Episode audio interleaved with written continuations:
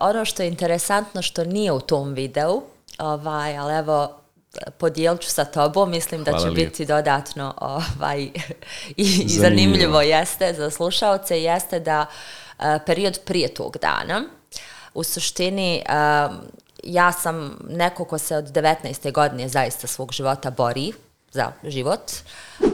Vrlo teško. Vrlo teško, međutim, ja sam u tom trenutku imala samo jedan cilj, da ne završim na dijalizi. Evo, najiskrenije. I u tom momentu ništa što je podrazumijevalo da kažem stop u tom trenutku nije bio problem za mene. Da li sam teško podnijela? Da. Da li sam teško podnijela činjenicu da ne mogu da istrčim polumaraton, odnosno ostvarim svoj san? Reci mi, molim te, koliko je bilo bitno s aspekta stava vratiti se na trening i krenuti na, na psihoterapiju? Vrlo. Vrlo. E, znaš kako, ja sam to e, saznala početkom novembra, sam dobila tu dijagnozu. E, sredinom novembra sam već našla psihoterapeuta i 1. decembra sam se vratila na trening. Najiskrenije, Janko, to u videu nećeš moći ni vidjeti ni čuti, ali ja sam se mjesecima borila sa suicidalnim mislima. Kao posljedicom uh, svega što se desilo od saznanja pogrešne dijagnoze, ali ono što ljudi, ja mislim, i ne znaju jeste da ljudi koji imaju multiplu sklerozu su čak tri puta više podložni depresiji i anksioznosti. To se meni dešavalo. Ganjam da budem bolja za sebe u nečemu svaki dan. Šta god to značilo, šta god to bilo, da budem bolja za sebe u nečem bar svaki dan. Pa tako, evo, prošle godine sam rekla, u redu, upisat ćemo magistarski. Upisat ćemo magistarski, tup, tup, tup, novembar, a da počela magistarski. Sa svim ovim. Sa svim ovim, da, marketing je nešto u čemu sam se ja pronašla, u čemu sam vidjela da zaista uživam i htjela sam da imam priliku da se nadograđujem u tome.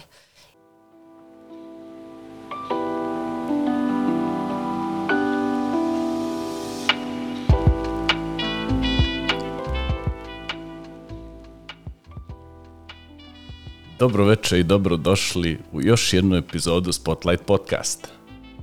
Javljamo vam se iz našeg malog studija u Sarajevu. Večerašnje gostovanje je jako posebno za mene. Večerašnja gošća nema neko ekstenzivno iskustvo studija u inostranstvu, više standardnih seminara i konferencija, ali je njen životni put nešto sa čim nijedan moj dosadašnji sagovornik ne može da se pohvali. Ada Sultanović iz Sarajeva. Pozdrav. Dobrodošla u Spotlight podcast. Hvala, bolje te našla i hvala na pozivu. Puno ti hvala prije svega što si izdvojila vrijeme direktno s posla, došla da malo pričaš s nama. Naravno, baš mi je drago što smo uspjeli da se evo upoznamo i da popričamo.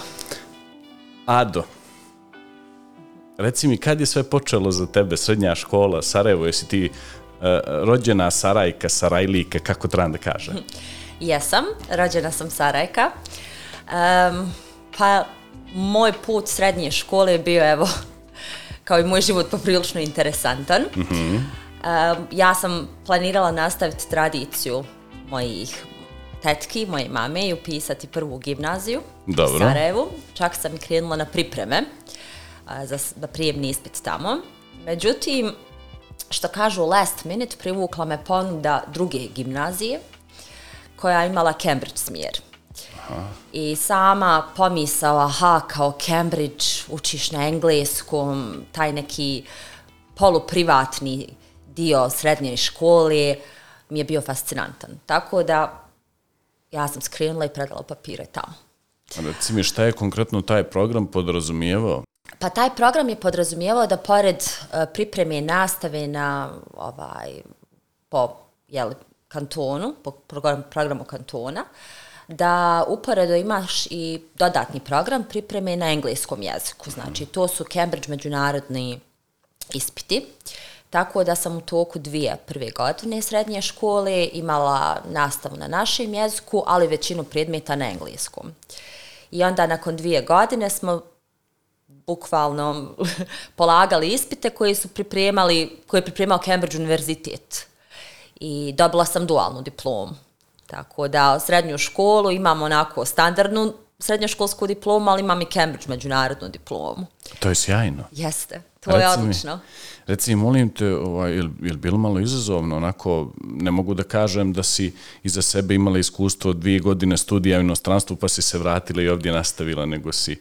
Pa, znaš kako, ja, eh, ja sam od uvijek voljela strane jezike. Uh -huh. uh, bila sam dugo u jednom horu i onda sam u petom razredu osnovne škole sama odlučila da napustim taj hor i rekla sam, ok, želim učiti, želim više pažnje posvetiti jezicima. Tako sam počela engleski jezik da idem na kurseve i uporedo njemački. Uh -huh. Pa meni, ne, meni nije bilo izazovno. Možda u nekim predmetima koje standardno i ne volim, tipa hemija, matematika i fizika, koji mi baš nisu prirodne nauke nekako od interesa, možda je to bilo izazovno, ali to je jedan proces u kojem sam toliko uživala. To je jedan skroz drugačiji proces gdje, gdje sam dodatno obogatila jezik, gdje sam naučila još da se bolje izražavam neke terminologije, I sam, samo to iskustvo sa 16 godina polagati tako ozbiljne ispite, mislim, analiza nam je bila jednom na ispitu govor John F. Kennedy, ja mislim, o čemu pričamo sa 16 godina, jel? Tako da kad sam došla već na fakultet, prva godina, sjećam se da ja i dvoje mojih prijatelja, zapravo troje koji su bili sa mnom u klasi u srednjoj školi, da smo mi bili već baš napredni u odnosu na druge U, u tom kontekstu jer smo imali doslovno i gradivo sa, fa, sa faksa a nismo bili ni svjesni toga tada. Sjajno. Ovako, po tvojoj senzi, senzibilnosti, šta ti je više leglo, njemački ili engleski? Koji si lakše učila? Engleski. Aha. Ja, uh, dosta ljudi s kojima se družim, ono, ne voli njemački, ali ja, ja baš volim konverzaciju na njemačku. Aha. Meni on ima nek, to jezik koji nekako, on više voli francuski, kao to je romantičan jezik, to je, da. Ali meni njemački ima isto nešto, a u sebi ja volim više taj konverzacijski dio nego pismeni. Mada engleski, mislim, odrasli smo svi uz ove engleski, ali naravno i španske, jel, serije, pa ovaj, možda mi je zbog toga bilo primamljivije.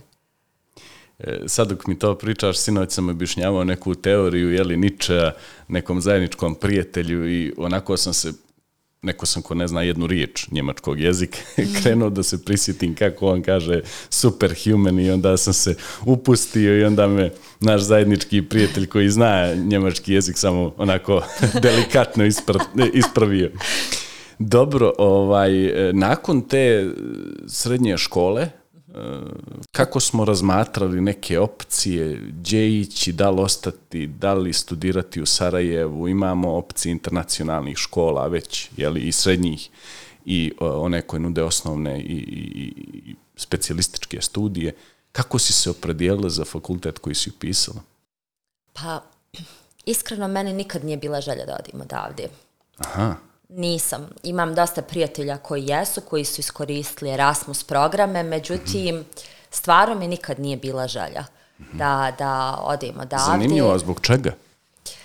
Pa, tim godinama ja to nisam, ovaj, mislim da možda ni danas ne mogu potpunosti da objasnim. Mislim da sam rano postala ta neka osoba koja vjeruje da se to znanje može i ovde naći, ali isto tako da i želim ostati u svojoj zemlji jer sam neko ko zaista vjeruje da mali broj ljudi može zaista puno uraditi. Možda sad ne govorimo o nekim velikim promjenama, ali sam vidjela koliko kvalitetnih ljudi odlazi zaista i to nije nikako meni bilo onako ni drago vidjeti, razumijem, svako ima svoje razloge, ali onaj, nadala sam se da, evo, bar mojim ostankom i ulaganjem u znanje ovdje i nadogradnjom znanja i iskustva, uh, da mogu ostati biti taj dio neke promjene. I u nekim stvarima zaista jest se to desilo i drago mi je. I ne bih, ne želim za tom odlukom i ne bih je čak ni promijenila sad. A da koji je bio konkretno program i koji univerzitet? Uh, ja sam upisala Internacionalni univerzitet u Sarajevu. Uh, program su bili međunarodni odnosi, diplomatija, mm -hmm. to je kao bio glavni smjer, ali evo i to je bilo na engleskom, pa si imao kao naj major minor. Dobro. A za minor sam se odlučila da bude management. Pratite taj management i marketing, ne možeš pobići niđi. Ja, ja tad nisam znala za to, iskreno. Mislim, znala sam, ali nisam se apsolutno vidjela tu. Aha. Vidjela sam se u nekim super međunarodnim organizacijama, peace building, diplomatija, zaista se ja sam vidjela tu. I ono što jeste fascinantno stvarno kad sam dobila priliku da budem dio takvih organizacija, da sam nakon nekog vremena shvatila da to nije to. I to mi je baš bio blagoslov, ne mogu reći u nesreći, stvarno ne mogu reći, jer imala sam predivno iskustvo. Da ovaj, kažemo konkretno u, u, u, par međunarodnih organizacija da, se radila. Da, imala sam predivno, da, iskustvo, upoznala predivne ljude, međutim, isto tako, rano, srećom po meni, jel, shvatila da to možda i nije smjer u kojim želim da idem dalje. Mm -hmm. ovaj, i... Desio se taj blagi pivot u lijevo ili u desno. Tako je, tako je. Tako da poslije toga ovaj, zaista nisam imala neki, neki, neku ambiciju šta bi to bilo. Ne, nedugo nakon toga sam ja i završila fakultet i zaista je bilo i izazovno naći neki posao, pa sam krenula ono školski od nekog malog posla. I, ovaj, I onda sam se vremenom gradila i došla evo danas gdje ja sam. E, uvijek volim da se zadržim na tom jednom momentu. Mm -hmm. e, ti si krenula sa međunarodnim odnosima i diplomatijom jer Bogu hvala, diplomatije nam uvijek treba na ovom našem brdovitom Balkanu. I onda si negdje na pola puta, ajde da kažemo na tri četvrtine i uz neko, jeli, iz, nek, uz neki rad uz te studije shvatila da ipak to nije poziv za tebe. Da. Koliko je bitno da i nakon toga si zaokružila tu cijelinu? Da si rekla, evo ja sam četiri godine uložila u to ili tri, šta god, ali sam zaokružila bez obzira što ja možda u tome sebe ne vidim dalje. Jako je bitno. Jako je bitno ostati istrajan, i jako je bitno bez obzira na tu odluku ovaj zaista završiti nešto što se počeo. Naravno, ja sam pored toga, opet kažem, imala i sreću da sam uporedu imala ovaj predmete sa menadžmenta. Tako da je to za mene bila neka različitost, gdje mogu reći, ok, završila sam ovo, ali imam i ovdje iskustvo.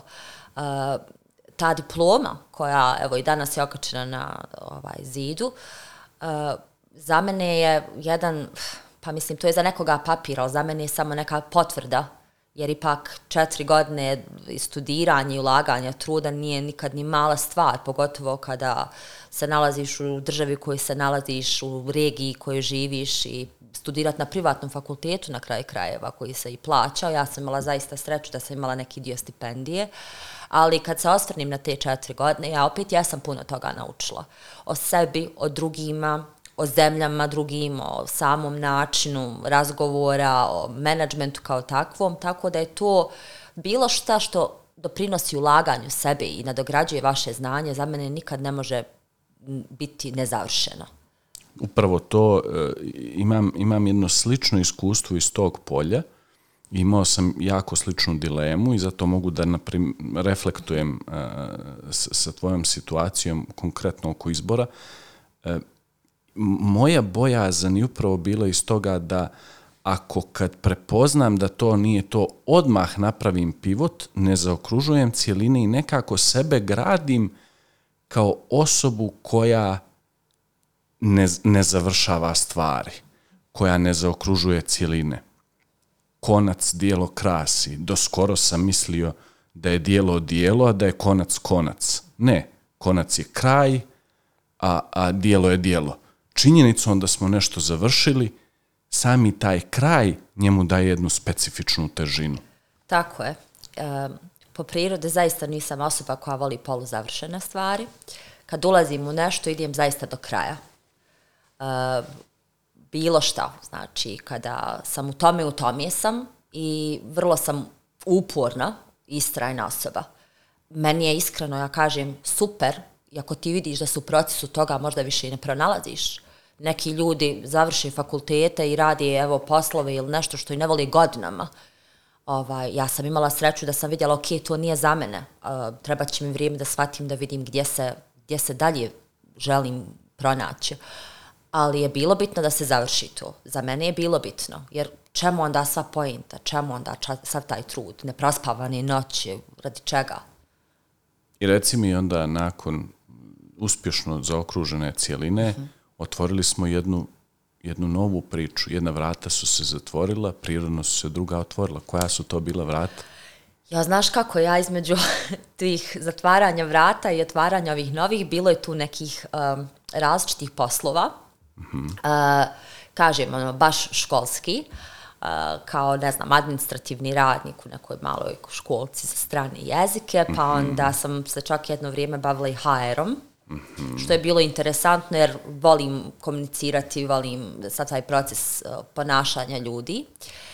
Uh, I onda, nakon toga, sam neko vrijeme bila bez posla, mm -hmm. što je za mene bilo jako, jako izazovno, jer sam stalno navikla da budem u dinamici u svemu.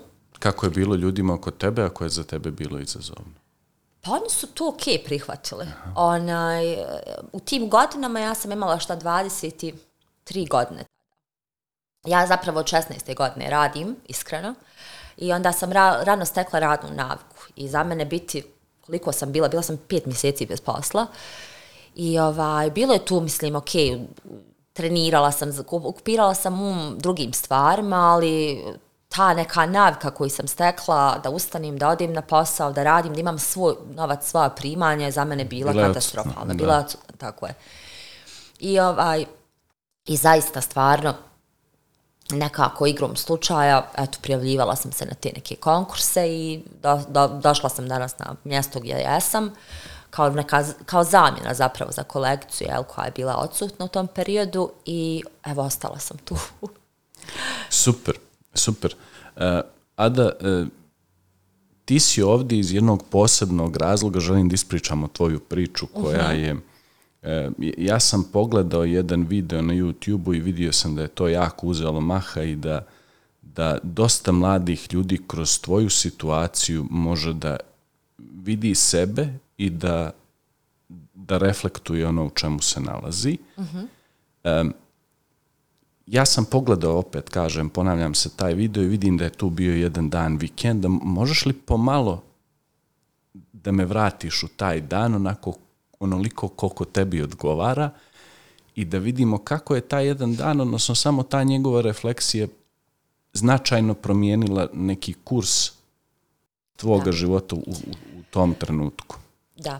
E, ono što je interesantno što nije u tom videu, ovaj, ali evo, podijelit ću sa tobom, mislim Hvala da će lijepo. biti dodatno ovaj, i, zanimljivo. i zanimljivo jeste za slušalce, jeste da uh, period prije tog dana, u suštini uh, ja sam neko ko se od 19. godine zaista svog života bori za život, uh, u smislu uh, autoimunih oboljenja. Uh, ovo što se desilo prije tog vikenda koji pominješ zapravo bilo je rezultat uh, pogrešne dijagnoze 8 godina. Zaista. Ovaj, bukvalno nekoliko mjeseci prije tog, evo, vikenda crnog, što ja volim reći, uh, sam saznala da sam 8 godina bila pogrešno liječena od uh, autoimunog oboljenja uh, bubrega i da sam dugo vremena zaista bila na jednoj terapiji vrlo agresivnoj, vrlo, vrlo agresivnoj, uh, koja se mogla ukinuti možda godinu dana nakon. Imala sam stvarno tu sreću da to saznam, međutim, ukidanjem te terapije došlo je do određenih drugih komplikacija, tako da taj vikend koji se desio, odnosno gdje se meni oduzila kompletna lijeva strana mog tijela, gdje sam izgubila vid, i gdje sam pala i gdje, mi se, gdje su mi se usta okrenula, ono što je izgledao nekom je kao moždani udar, na kraju je nažalost ispostavilo da je multipla skleroza. Tako da ovaj, po drugi put u, u periodu od sedam, sedam mjeseci se moj život okrenuo na opačke, bukvalno. Naravno, dodajmo na to da smo u tom periodu imali već možda i ne možda, nego deset dana poslije samog saznanja za pogrešnu diagnozu, bio, desio se lockdown, što je dodatno utjecalo na mentalno zdravlje svake osobe koju ja poznajem, bar i svak, vjerujem svakog čovjeka na, na, na svijetu. Tako da u ti sada mjeseci zaista se desila su jedna dva krucijalna momenta koja su mi okrenula život u potpunost. Uh, podsjetila me na neke stvari, ali me i ohrabrila ka nekim novim.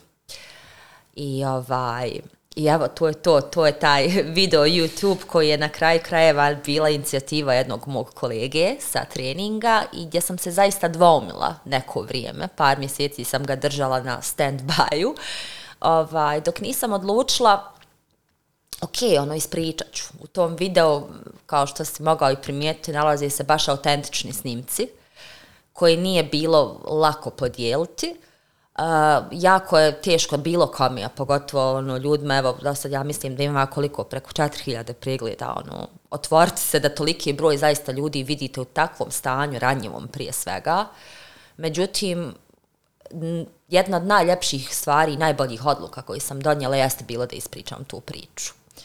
Uh, ne, ne radi meni samo, uh, iskreno ja sam počela sa psihoterapijom odmah nedugo i imam uvijek nekoga s kim mogu pričati o tome, ali ono što je taj video uradio uh, za dobrobit ljudi koji poznajem i koji ne poznajem, koji su i zdravi, koji čak imaju isto i multiplu sklerozu, je za mene neprocijenjivo. To je potvrda da sam napravila dobru odluku i to je zaista potvrda koliko jedna osoba stvarno može da ti pomogne i da utječe na sve naredne odluke u tvom životu. A da ja, kad tebe sam prvi put vidio, uh, i nekako sam stekao dojem da si ti osoba koja na prvu ne bi podijelila i ne voli da dijeli svoj život, onako si jaka, stamena i neko ko čuva svoj život sebično za sebe i svoju privatnost. I onda se takvoj jednoj osobi e, jeli, u, u razmaku od e, 7-8 godina dese te dvije stvari i onda te one uvedu u jednu potpuno novu dimenziju i ti se odlučuješ da napraviš taj korak i da ispričaš svoju priču. Za mene je to iskren da budem potpuno fascinantno. Mislim da većina ljudi bi pak se negdje ogrnula svojom privatnošću i zadržala za sebe. I ja zaista ovim, ovom prilikom želim da ti čestitam na tome, a e, uz to želio bih malo i da se vratim na, na, na svu tu neku priču, ne bih volio da je onako pretrčimo. I e, pitao bih te za taj period od, od 7-8 godina, malo onako da mi se vratiš u taj period, e, oko te dijagnoze, šta je ona podrazumijevala, uh -huh. e, u kom dijelu je se ispostavila kao, um, kao netačna, kao nedobra, falična i po tebi šta je ona dalje trigerovala ili prouzrokovala? Znam da je kompleksno i previše pitanja, polako. Sve u redu. Um, u suštini, ja sam inicijalno dobila diagnozu autoimunog oboljenja bubrega, koji se zaista manifestovalo na način da sam oticala, da su određeni parametri u krvnim nalazima podrazumije, odnosno pokazivali oštećenje bubrega. Ovde sam pokušala da se liječim, međutim došli smo do te faze, nažalost, da sam mjesecima i mjesecima ponavljala isti nalazi i pratio se progres toga. I onda sam odlučila da se uh, liječim vani i zaista imala sam fantastičan tim doktora, uh, koji su promptno reagovali, da ne bih otišla na dijalizu u konačnici, promptno su zaista reagovali i brzo su napravili biopsiju bubrega i nakon nekih desetak dana sam dobila tu diagnozu da je to autoimuno oboljenje bubrega koje u suštini napada aglomerule. Aglomerule ti filtriraju krv kroz bubrege u suštini. Mm -hmm. Tako da su uh, to vidjeli i odlučili su da me pored kortikosteroida, E, stavi na jedan lijek koji se primarno koristi u liječi u, kod e, pacijenata sa leukemijom ili rakom dojke. Tako da sam sada mjeseci uporedo bila na ta dva lijeka mm -hmm. i stanje je bilo u redu. To je nekako autoimuno oboljenje gdje ti prihvatiš nekako, mislim, u redu, tu smo gdje smo. Ja sam inače osoba koja rijetko kad, čak i kad doživim šok, ja sam inače osoba koja gleda odmah rješenja. Nemam puno vremena i evo i u ovoj, i u ovoj situaciji sa multiplom sklerozom, zaista nisam imala puno vremena da procesiram to odmah. Baš je bilo onako došlo do neke tačke da se mora već djelovati. Uh, vremenom, kako sam prolazila kroz te terapije, procesirala sam to, promijenila sam skroz svoj život uh, u smislu ishrane prije svega. Šta je Ja- bilo ranije, šta je bilo nakon toga? Pa, U smislu ishrane? Tako je. Znači, ja sam preko noći napustila gazirano, čips, alkohol, cigarete, znači ništa. Vjeruj mi, to su bili samo Što bi jedna biljkice, ultra zdrava osoba biljkice, trebala svakako da uradi. Biljkice su bile u pitanju, onda sam imala uh, dnevni unos od 40 grama proteina, to mi je Mhm. bio maksimalan unos i to sam ono vagala, učila koliko i šta. Što, što e, svježom, što e, tretiranom je. hranom, što suplementacijom. jel? Tako je, tako je. I ovaj, nisam uopšte radila intenzivne treninge, uh, odnosno, na primjer, trčanje te povećava kreatinin, recimo, u krvi. Tako da se nisam ni tim bavila, a baš sam voljela trčati. Ovaj, I to je bilo ono, doslovno preko noći. Znači, u svojoj glavi sam zacrtala, ok, da bi bila dobro, to su stvari koje se moram odreći. I odrekla sam ih se, zaista nisam imala nikakav problem da ih se odreknem, niti sam u jednom trenutku požala, niti sam rekla, što bi ja sad jednu ovaj, piće, nešto inače. Coke Zero i kokice dok odem u Tako da je. gledam neki film. Tako je, tako je. Ovaj, tako da, um, sve to bilo u redu dok ti kortikosteroidi meni zaista nisu počeli stvarati ozbiljne probleme dodatne, kao što je osteoporoza, uh, kao što je uh, visok krvni pritisak, zbog kojih sam stvarno u jednom trenutku i bila u predmoždanom stanju. I dobila sam onda priliku zaista da pošaljem svu svoje e, dok, medicinsku dokumentaciju kod jednog od najboljih nefrologa svijeta, koji je rekao, ok, ali obzirom na ovo sve, koje, što ja vidim, uh, ponovio bi biopsiju. I to bih uradio baš na ovakav način, kao trebaju vam fluorescentna bojenja, sve itd. itd. Sad, ovaj, to su neki medicinski Da, jasno. pojmovi. Uglavnom da. čovjek je imao sumnju i očekivao neki drugi ishod. Jeste, jeste. Ja sam to uradila. To je bio možda februar 2020. Ja sam zaista otišla u Zagreb i tamo su, za razliku evo ovdje gdje su uzeli jedan uzorak, tamo su uzeli minimalno deset. Znači, baš onako puno uzoraka i nakon mjesec dana dobila sam mail koji kaže, ok, vi imate oboljenje bubrega, ali ona apsolutno nije ni upala ozbiljno koliko je ovo koje Je već bilo. bilo tretirano. Tako je.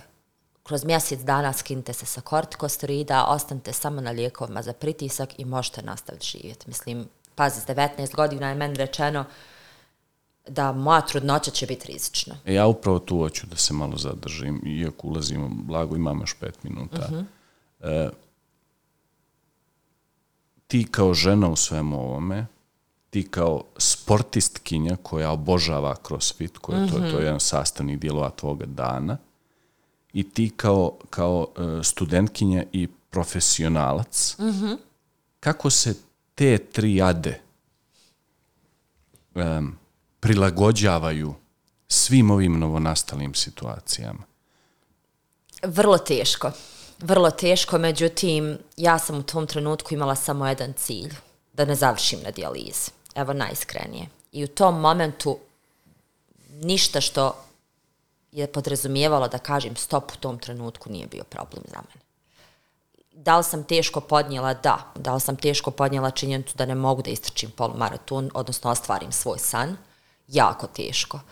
Da li, da li sam podnijela činjenicu da ne mogu dizati više one kilaže ili nešto, ili gra... vrlo teško. Da li, sam, da li mi je teško palo što sam morala zalediti semestar na fakultetu da bi mogli plaćati liječenje u inostranstvu? Da, ali sve to imalo za jedan, sve to bilo za jedan cilj koji je stvarno ovaj, i ispunjen na kraju krajeva. Jasno. Dobro, dolazimo onda, jeli kako smo već i krenuli u ovu, u ovu priču, dolazimo do tog vikenda, činjenica da je tebi uporno trnula lijeva noga i da nisi znala šta je, šta je uh, uzrok, vjerovatno si istezala, mislila da je dio nekog treninga ili, ili nekog grča koji je nešto što svi svakodnevno uh, doživimo i uh, onda je to kulminiralo, koliko sam ja shvatio, dolaskom kući i činjenica je da si ti na, na, na određeni vremenski period izgubila vid i, i on, one svijestila se. E sad, ono o čemu ja želim da također malo pričam u nastavku, jer smo već vjerovali ili ne 27 minuta u konverzaciji, to sve čine ove slušalice i, Slušalice, jeste. i ambijent u kome se mi nalazimo. volio bih da u nastavku mi malo ispričaš o danu posle. Ne malo, nego koliko god želiš da podijeliš. Jasno. Tako da, eto, to će biti nešto sa čim ostavljamo i naše gledalce da slučajno eh, jeli, ne pada im ne, na pamet da krenu da rade nešto drugo dok su gledali i slušali ovaj podcast. I, i e, na tome ostavljam. Vraćamo se nakon kratke pauze.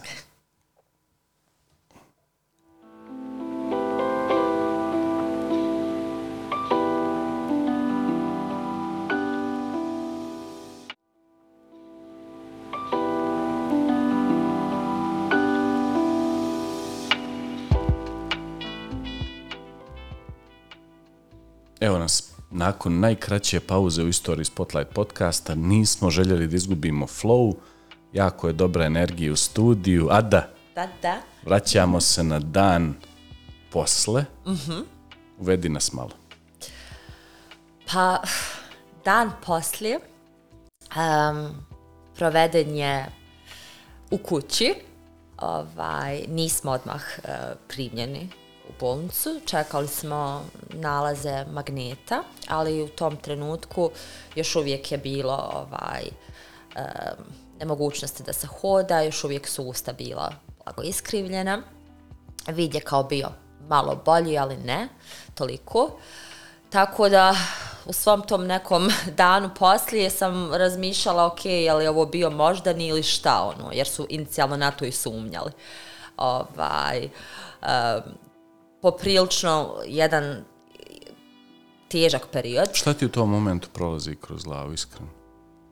Pa znaš šta, najiskrenije i za tebe i za slušalce koliko god ovaj bilo, meni je taj jedan period čitavog tog mjeseca bio jako težak, ne samo radi toga, nego zato što sam zaista završila jedan jako bitan i dug, dug odnos u svom životu. I više sam u tom trenutku razmišljala o tome. Najiskrenije. Ljudi kažu ono, uh, razmišljaš o sebi i sve, ali mislim da je bilo čak i lakše razmišljati o nečem drugom, što nema veze sa ovim što se moglo desiti. Znaš. Tako da, uh, bojala sam se, bojala sam se, ali obzirom na sve što se dotad izdešavalo u mom životu, znala sam da ću se, da ću naći neki dobar način da hendlam s tim. Onaj, šta god da se desilo u tom pogledu zdravlja, znala sam da jednom sam već prošla kroz to, da me možda neće iznenaditi toliko i da će biti okej. Da će biti okej. Znači, koliko god nas priroda, Bog uh, uh, uh, iznenadi, naprosto nikad ne mogu dovoljno da nas iznenadi kao međuljudski odnosi, ako ja Tako je. dobro čitam i- Tako iz ovoga je. što ti Da.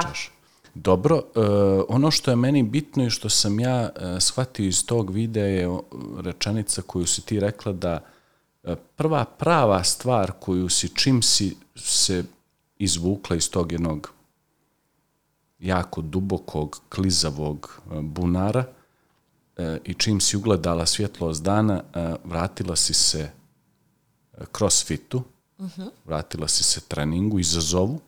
Da. Ko ne zna, ko nije ljubitelj crossfita, crossfit je e, jedno umiranje u malom. Ti u treningu od 15, 20, 30 minuta umreš 30 puta.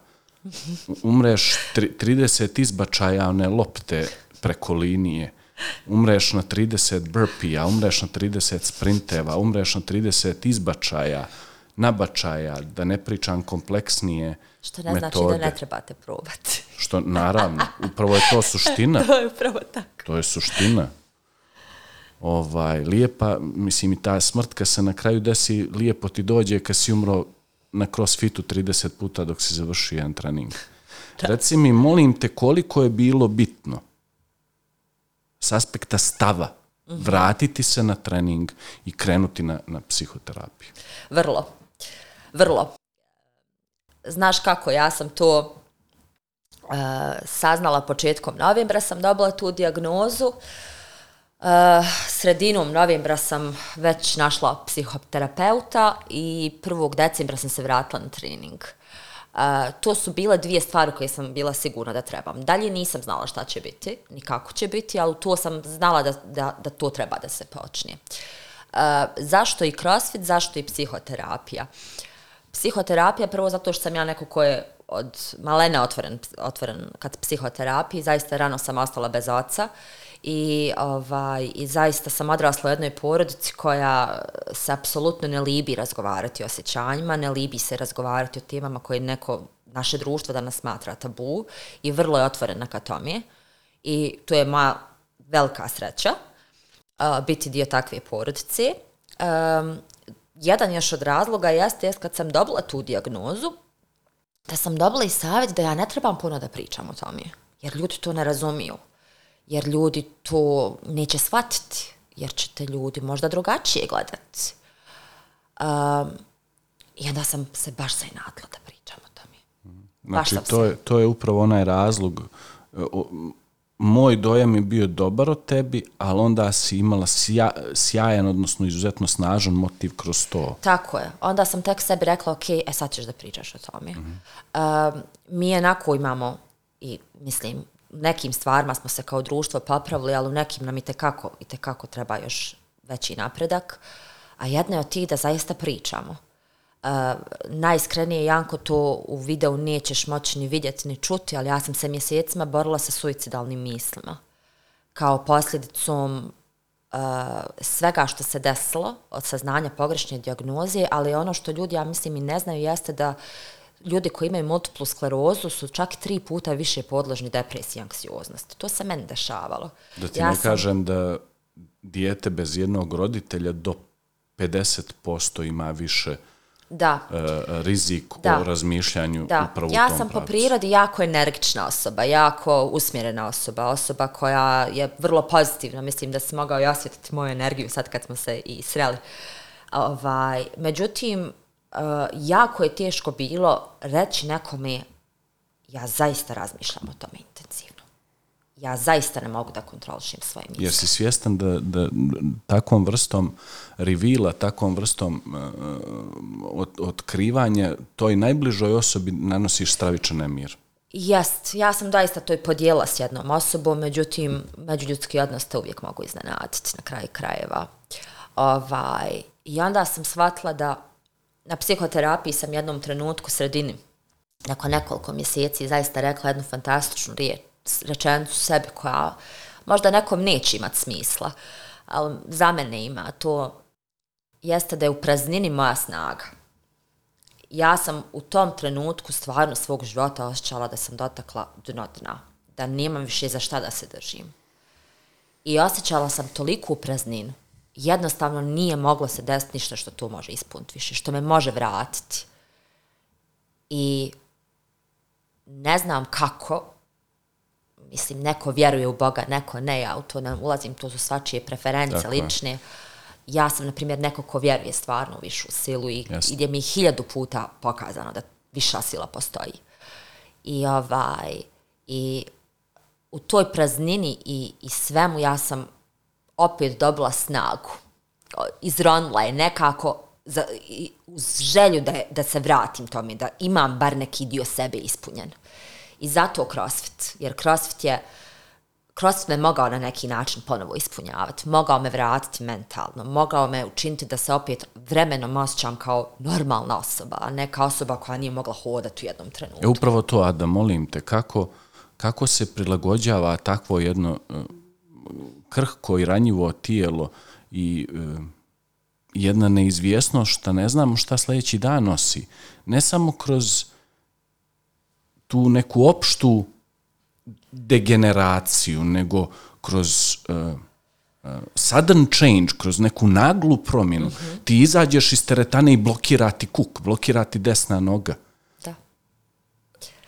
Pa znaš kako, ovaj, ja kad sam rekla, uh, mala sam, uh, trenirala sam tada u drugom crossfit boksu, imala sam sjajnu trenercu, stvarno, uh, I vrlo sam otvorna bila i rekla sam, ok, imat ćemo trenutke, najvjerovatnije, kada imala sam ih, kada sam došla sa nemogućnosti da kontrolišim jednu nogu, kada mi je govor bio usporen, uh, ali sam je rekla, čak i kad se to desi, želim da nađeš alternativu. Ok, ne možeš stajati, sjedi i rad sa šipkom. Što bi, što bi rekli, nastavi da gaziš. Tako je, i tako je bilo svaki put. Ne mogu da pričam, ona mi piše, ja joj pišem na tablu, na nešto.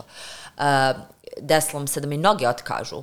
Sjedim na onaj bench i radim ruke, biceps i onda me iznesu do kuće. To je stvarno bilo tako i to se i dan danas dešava. Imam fantastičan tim trenera, ovom prilikom velika ljubav Velik. za, Amila, za Amilu i Krisa. Pozdrav za Amilu i Krisa, puno vam hvala što nam, što nam vodite računa o, o, o našoj zvijezdi. ovaj, koji su mi iznimno su posvećeni, ne meni kao meni samo radi mog stanja, nego i svakom članu našeg CrossFit boksa, ovaj, ali sa mnom ima jedan poseban odnos jer su toliko toliko se investirali da nauče o multiple sklerozi i toliko se investirali da uh, radi nove vježbe sa mnom, zbog kojih ja danas stvarno moram reći da u momentima kad imam problem sa balansom ili kad imam problem sa eh, lijevom nogom da je kontrolišim, da hodam, ne koristim čak više ni štap. Bravo, za hodanje. Majstor. Oni su zaista sa mnom potencirali vježbe refleksa, balansa i svega, tako da je godinu i po sigurno trebalo da dođemo do otli i sad za vikend se zaista desilo to bile i nagla i promjena vremena i sve i zaista sam za vikend imala taj problem sa hodom ovaj, ali nisam evo ni koristila štap tako da tu je sve jedna dodatna, ja kažem, i potvrda, ali, ali crossfit je nešto što je meni i oporavlo i mentalno i fizički.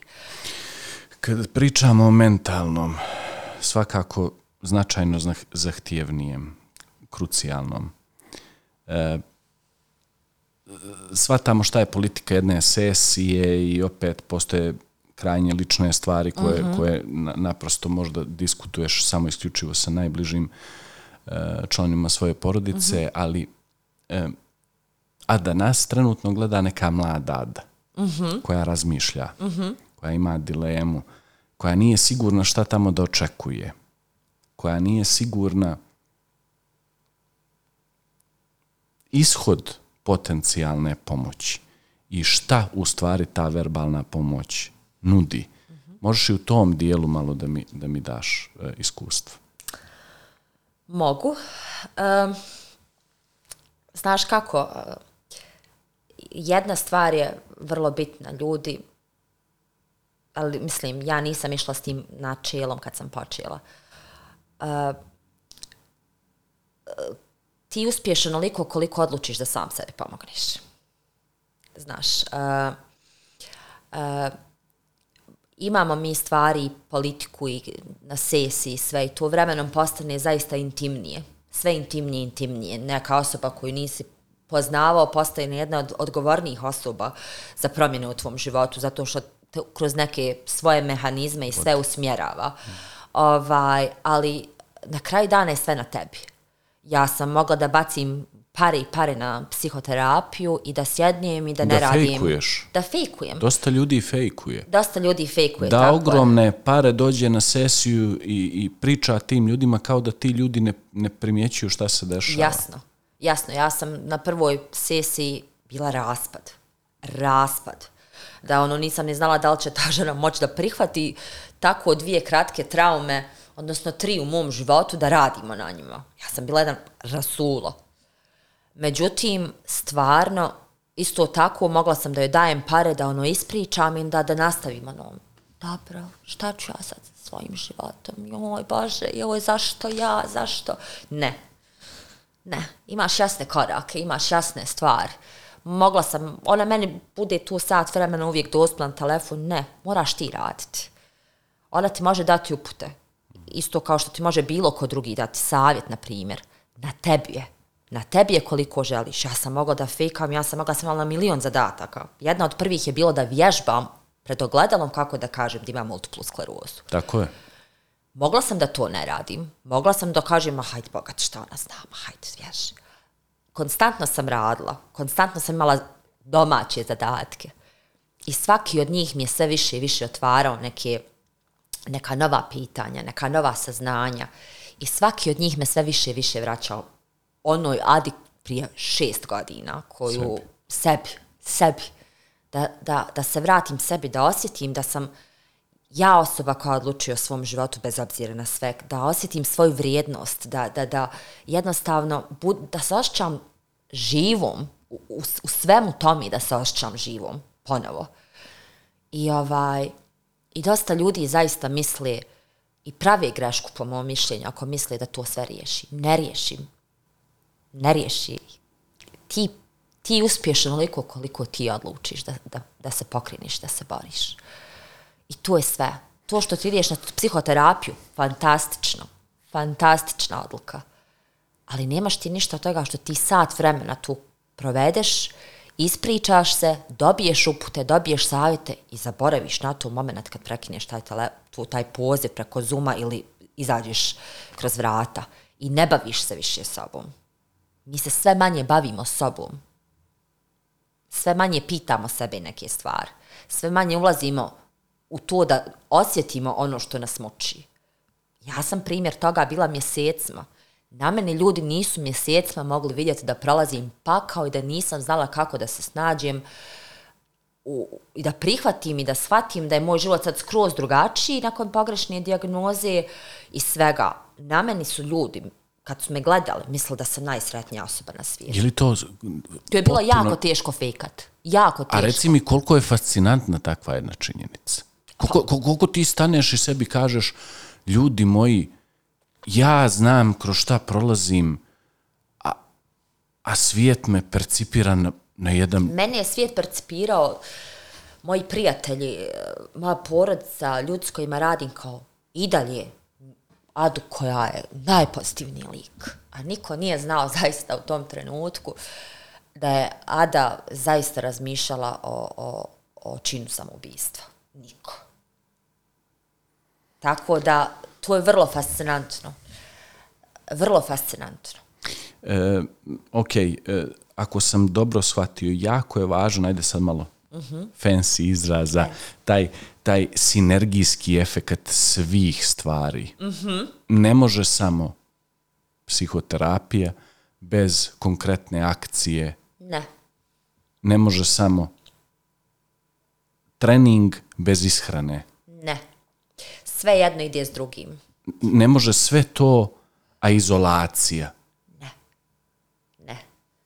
Ako želiš da uspiješ u svojim ciljevima, moraš biti uporan. Ne kažem da će biti laki dana i, i, i, jer nije, moj put nije bio lak. Moj put zadnje dvije godine, hiljadu puta sam se vratila, imala sam dva koraka unazad.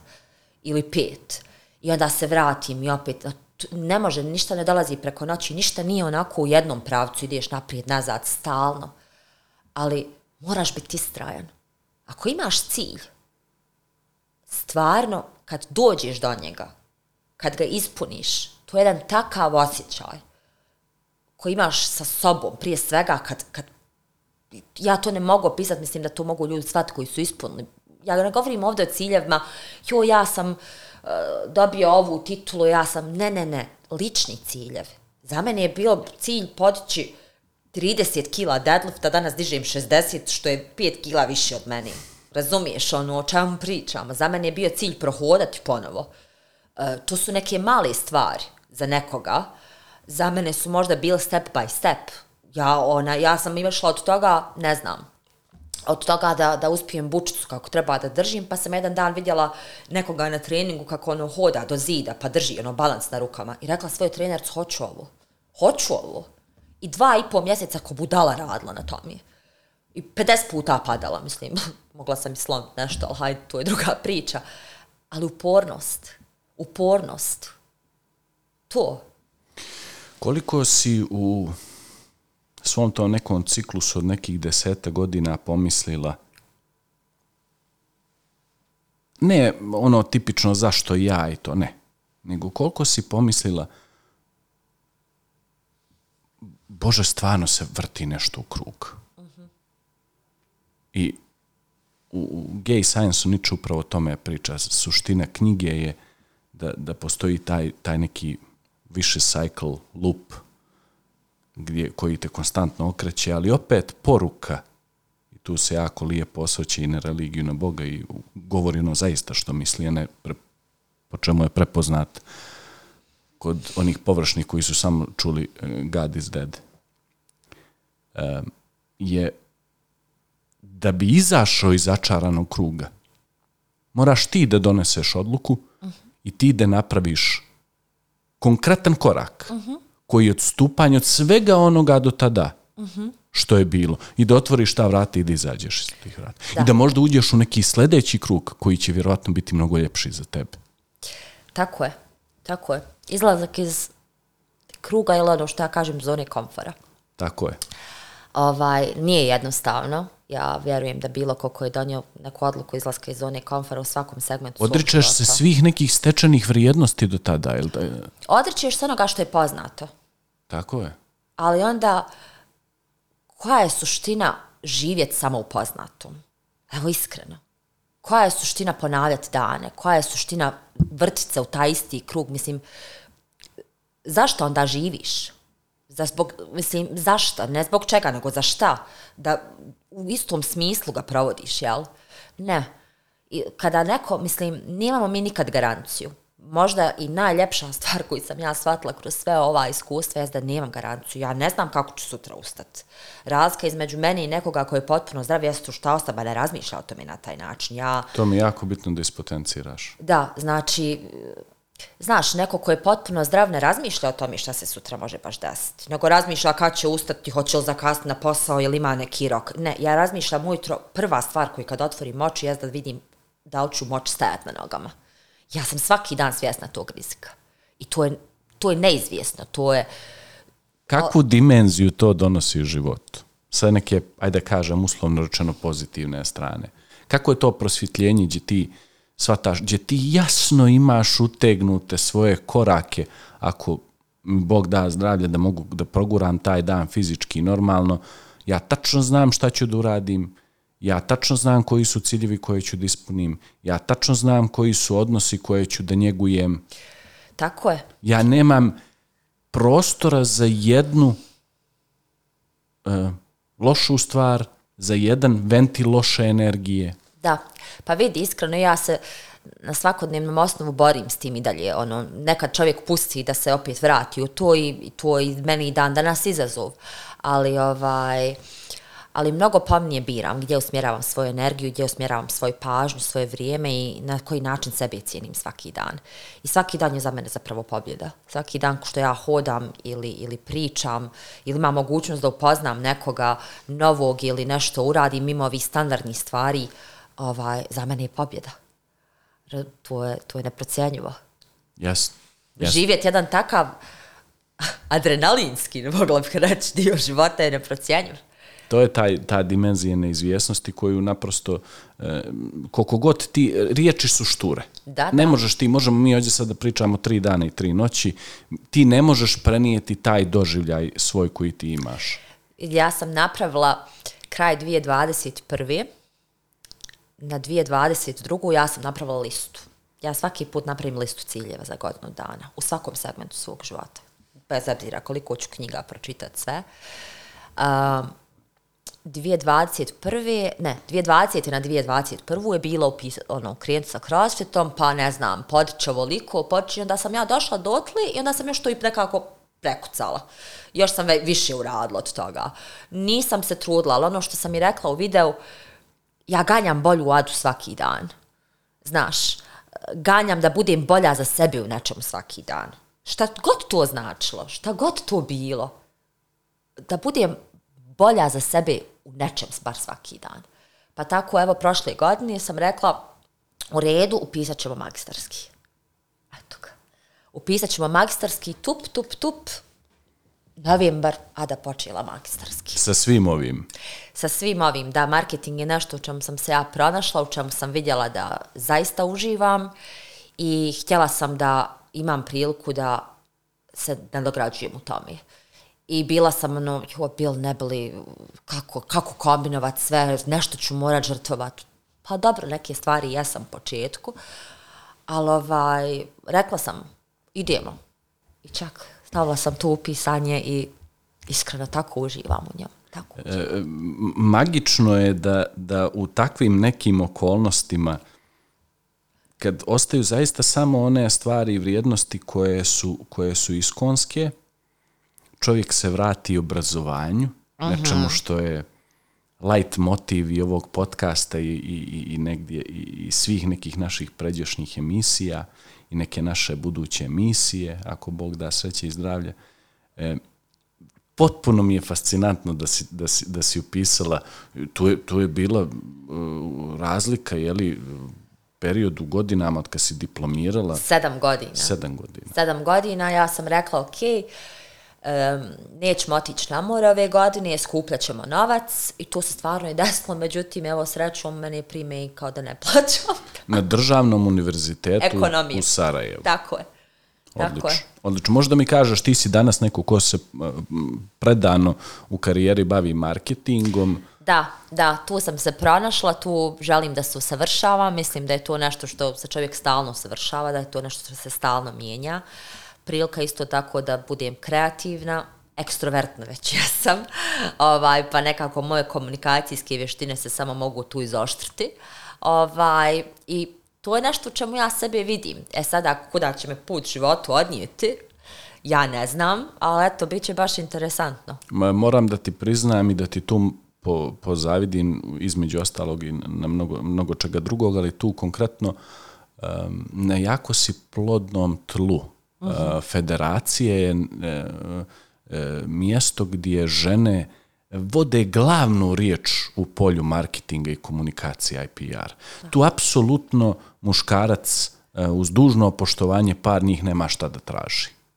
Kad ja malo pogledam, kad mi onako panu na pamet sve neke Bože Žene zdravlja, nek, ne, na, naše buduće gošći u Spotlight podcastu. Da, da, uprav si.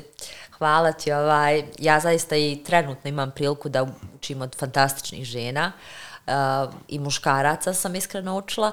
Ovaj, ali, ali evo, interesantno će biti da, vidi kuda, da vidim kuda će taj moj put životni da ide u tom, u tom dijelu. svakako tu si u jako, jako finom društvu. Ok, uh, Ada, uh, ovim smo zaokružili i ovaj drugi uh dio. Uh, nakon kratke pauze zamolit ću te za tvoje planove za budućnost, koliko možeš sa te liste da nam daš i neku poruku za naše mlade slušalce i gledalce. Može, može. Vidimo se nakon kratke pauze.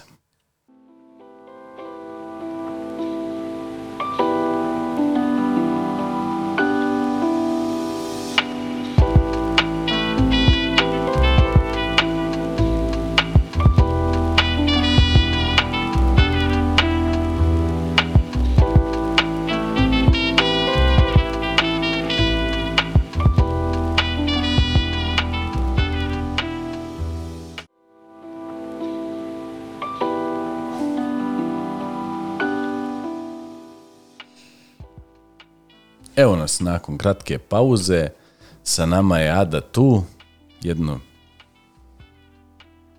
neprocijenjivo iskustvo, jedan nevjerovatan intervju, e, epizoda podcasta. E, možeš onako za kraj, nećemo odstupiti ni ovoga puta, naši ta krivulja nam je jako dobra, jako često gledam, često gledam statistiku YouTube-a i vrlo sa protokom vremena opada gledanost, ali vidim da ta neka grupa koja nas gleda do kraja e, čeka tvoju poruku i čeka tvoje planove za budućnost. Daj da ih ne razočaram. Može. Pa što se tiče planova za budućnost, svakako je da ja imam planove u smislu da budem zdrava, da, da budem i dalje okružena fantastičnim ljudima, da završim magistarski, da budem zadovoljna i u ovom poslovnom i na kraj krajeva u privatnom dijelu, u kontekstu, evo, ne znam, porodice, normalnog partnera, ne znam, to su sve neke divne stvari planovi koje želim za sebe. Međutim, ovaj, ja se vodim onim kao, znaš, ono, ti kad planiraš, Bog se smije. I ovaj, i tako da, to su moje želje. To su moje želje. Da kažemo vizije. Moje vizije. E, Ja sad pustim da bude šta će biti. tako je. Tako je. Što ih mi e, slabije ocrtavamo, to je veća vjerojatnoća da će se one desiti. Tako je, tako je. Dobro. Ovaj, um, a poruka koju bih imala, pa joj, ja bih imala milion poruka, jel, nakon ovakvog jednog divnog razgovora, a u suštini ono što mislim da je najbitnije um, da kažem jeste da ljudima, odnosno slušalcima i gledalcima jeste da stvarno se ne boje prije svega da budu ono što oni jesu istinski. Da se ne boji toga. da, da u svakom trenutku, bez obzira kakva god njihova načela i mišljenja bila ili, ili da se ne boji da pričaju otvoreno o ljud, sa ljudima o nekim stvarima, da se ne boje predrasuda i da se, da se ne, ne, ne bave mišljenjima, odnosno rezultatima, da li je to ispravno ili nije na osnovu tuđeg mišljenja. Stvarno, u suštini je najbitnije ono što mi želimo i mi mislimo za sebe. I da samo nekako bilo šta što želi u životu i istinski želi, stvarno, jer hiljadu puta ćemo odlučiti nešto pa vidjeti da to nije, to, to je sasvim okej. Okay.